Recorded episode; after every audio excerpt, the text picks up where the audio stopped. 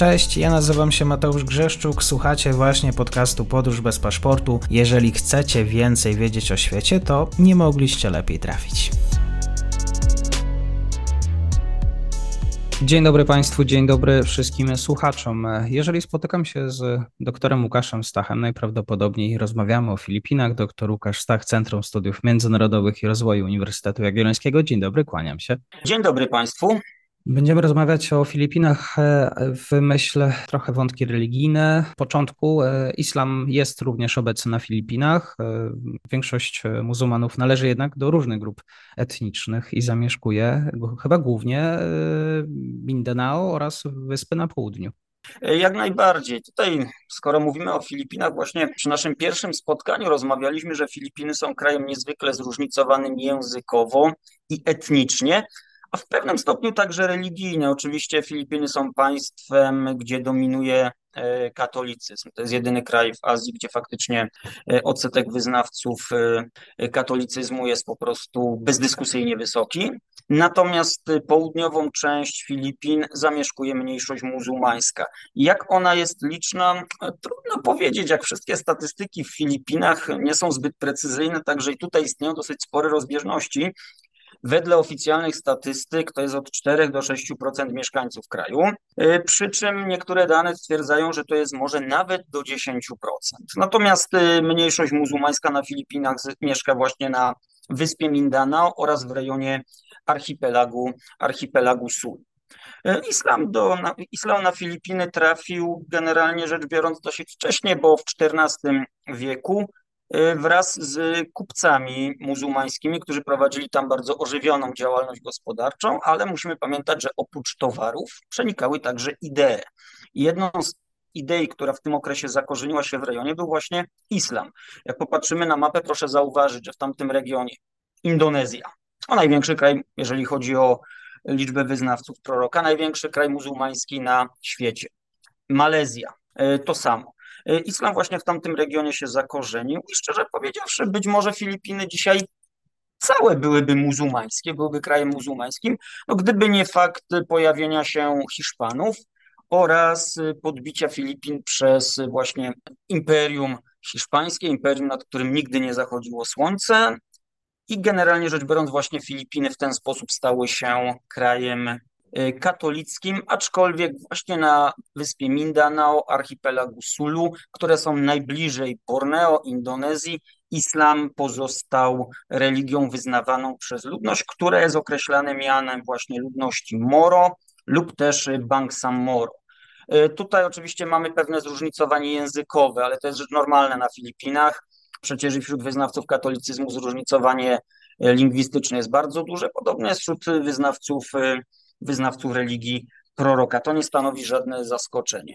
Natomiast no, problemem jest, o czym zapewne dzisiaj powiemy, no, dosyć trudna relacja pomiędzy właśnie ludnością katolicką a ludnością muzułmańską, no, która generalnie rzecz biorąc jednak naznaczona jest niestety e, konfliktem konfliktem. E, jakie to konflikty, na jakim przede wszystkim tle, jeżeli nie tylko wątki religijne, e, bo przemoc e, towarzyszy co jakiś czas obywatelom Filipin? No niestety Filipiny są krajem naznaczonym przemocą. Tutaj mówiliśmy na jednym spotkaniu o rebelii Nowej Armii Ludowej, czyli mamy tutaj neomaoistowską partyzantkę, problem przestępczości kryminalnej, wojny z narkotykami, Natomiast dzisiaj właśnie możemy porozmawiać o konflikcie pomiędzy właśnie ludnością Moro, mniejszością muzułmańską, a większością katolicką, aczkolwiek tutaj obraz nie jest taki zero-jedynkowy, ponieważ można powiedzieć, że ta ludność muzułmańska zawsze była krną. Ten konflikt, jeżeli bierzemy pod uwagę perspektywę historyczną, jest niezwykle długi. On trwa jeszcze od czasów kolonializmu hiszpańskiego.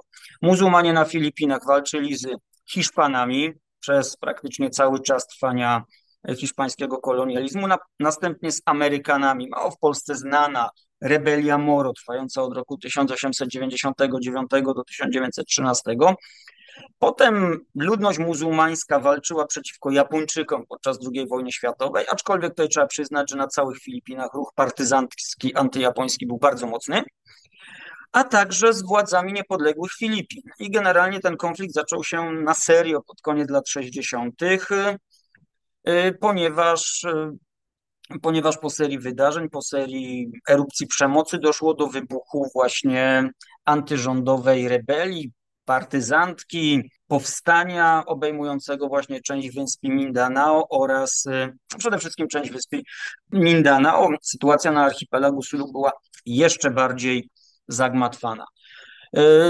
Ten czynnik religijny był istotny, ale nie możemy zapominać także o problemach związanych z czym? Z postkolonializmem, czyli kwestie resentymentów historycznych, poczucia krzywdy istniejącego wśród ludności muzułmańskiej, ale także problematyki relacji centrum-peryferii. O ile większość, czy o ile bardzo dużą uwagę przywiązuje się właśnie tego czynnika religijnego, sprowadzając ten konflikt do walki muzułmanów przeciwko chrześcijanom, to tak jak już powiedziałem, rzeczywistość nie jest taka czarno-biała. E, regiony zamieszkane przez e, muzułmanów były przez władze centralne traktowane po macoszemu.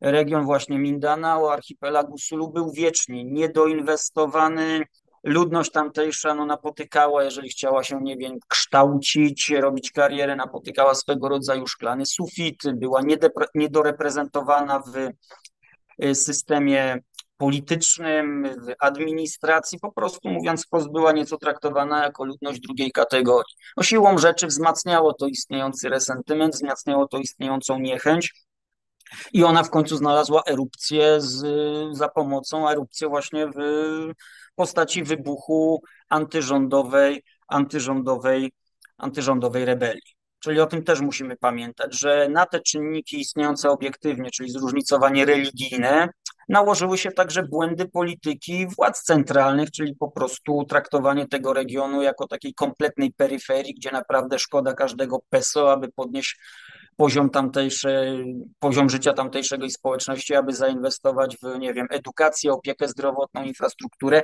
tak żeby ta mniejszość zobaczyła, że po prostu opłaca się być częścią Filipin. No niestety historia potoczyła się nieco inaczej, rebelia wybuchła i co ciekawe, Obecnie mamy tendencję do postrzegania wszelakiego rodzaju ruchów y, islamskich w kategorii właśnie dżihadystycznych. W kategoriach dżihadystycznych, radykalnego islamu. Natomiast y, na początku ten ruch był rozbity, powiedzmy, na frakcję taką narodową i frakcję islamistyczną. Tutaj pojawiły się dwa takie główne ugrupowania.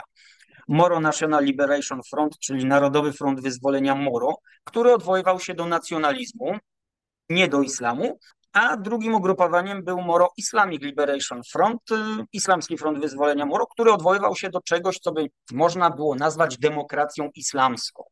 Oba te ruchy nie miały charakteru radykalnego. Nawet Moro Islamic Liberation Front, mimo że w swojej nazwie posiadał słowo islamistyczny czy islamski, raczej odwoływał się do idei właśnie demokracji islamskiej.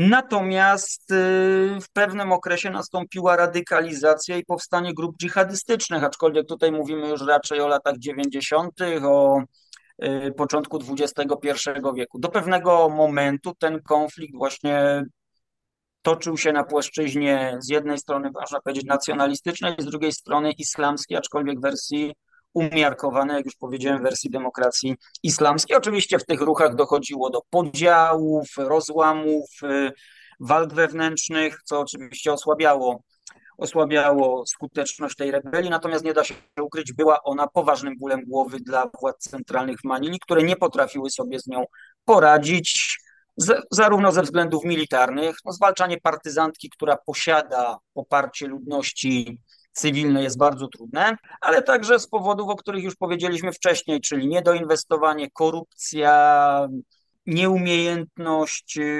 nieumiejętność właśnie pokazania społeczeństwu, że opłaca się być częścią Filipin. I ta rebelia trwała, trwała, trwała. Na szczęście znalazła ona, można powiedzieć, częściowe rozwiązanie. Region ten otrzymał autonomia. W ostatnich latach obserwujemy uspokojenie sytuacji z jednym wyjątkiem. Wspomniane wcześniej ugrupowania radykalne, takie chociażby jak Abu Sayyaf, nadal są aktywne i pod hasłami już żywcem wziętymi najpierw z katalogów Al-Kaidy, a potem państwa islamskiego, dalej prowadzą swoją zbrojną działalność. Co ciekawe jednak, Nie uznaje ona, czy nie ma ona dużego uznania wśród byłych członków, czy obecnych członków Islamskiego Frontu Wyzwolenia Moro, czy Narodowego Frontu Wyzwolenia Moro. Oni uważają, że jakieś porozumienie polityczne z władzami Filipin jest możliwe i to porozumienie, czy to za czasów prezydenta Duterte, czy wcześniejszych, ono zostało zawarte.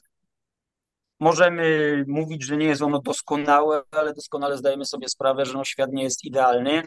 To porozumienie jest na obecną chwilę respektowane, natomiast jest jeden wyjątek. Są to ruchy ekstremistyczne, ruchy dżihadystyczne, ale musimy tutaj pamiętać o jednej sprawie. Oni nie dążą do powstania jakiegoś państwa ludu Moro. One dążą do budowy globalnego kalifatu. Przecież y, ideologia państwa islamskiego z czasów jego świetności w Syrii i Iraku zakładała właśnie budowę panislamskiego kalifatu. I podobno mamy tutaj, podobną sytuację mamy tutaj. Ruchy dżihadystyczne nie dążą do jakiegoś rozwiązania politycznego z władzami świeckimi, one dążą do ich obalenia i zastąpienia właśnie władz świeckich rządem ustrojem zwanym y, kalifatem, o którym możemy powiedzieć parę słów przy y, innej okazji. To powoduje, że ten konflikt w tym momencie jest zero-jedynkowy, albo usunie się radykałów, albo ci radykałowie faktycznie ustanowią kalifat. Natomiast na obecną chwilę wydaje się, że wpływy radykalnego islamu w regionie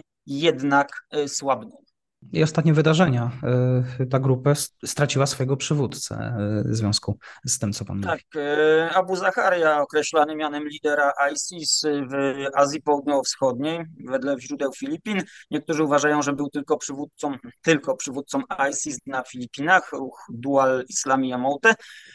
Natomiast można powiedzieć, że pewną ironią losu, czy też dziejową sprawiedliwością jest to, że lider ISIS, że wspomniany Abu Zaharia został zabity w miejscowości Marawi, miejscowości, którą y, ludzie kierowani, czy bojownicy kierowani przez niego zniszczyli w roku 2017, kiedy trwało tak zwane oblężenie Marawi, właśnie walki o Marawi, trwające od maja do października 2017 roku rozpoczęły się, kiedy grupy powiązane z państwem islamskim, powiązane z radykalnymi dżihadystami, zajęły miasto Marawi i rozpoczęły się zacięte kilkumiesięczne boje o to miasto. One pokazały z jednej strony no, nieskuteczność sił zbrojnych do walk, nieprzygotowanie sił zbrojnych Filipin do walk miejskich, tutaj konieczność wyszkolenia armii do tego typu działań bojowych, jak też fanatyzm bojowników, którzy jednak no, trzymali się do samego końca i zarówno poprzez narzędzia hard power, czyli mówimy tutaj o sile militarnej, sile swoich bojówek, jak i poprzez działania w internecie, działania na polu właśnie soft power starali się opanować to miasto. No, kryzys potrwał no, kilka miesięcy, to świadczy jednak o jego intensywności. Miasto zostało w dużej mierze zniszczone jeszcze do dzisiaj, nie do końca zostało odbudowane. W końcu bojownicy zostali wyizolowani i pokonani. Co ciekawe, po stronie władz Filipinych, po, po stronie władz filipińskich walczyły także, czy walczyli ludzie powiązani wcześniej z frontem islamskim, z frontem, z islamskim frontem wyzwolenia Moro. Oni też zdają sobie sprawę, że władza radykałów jest zagrożeniem dla nich samych, dla całego procesu pokojowego i tego, co do tej pory y, osiągnięto. No, tak jak już powiedziałem, dżihadysci zostali pokonani, wycofali się. Ci, którzy przeżyli, zdołali uciec, natomiast większość zginęła w walce.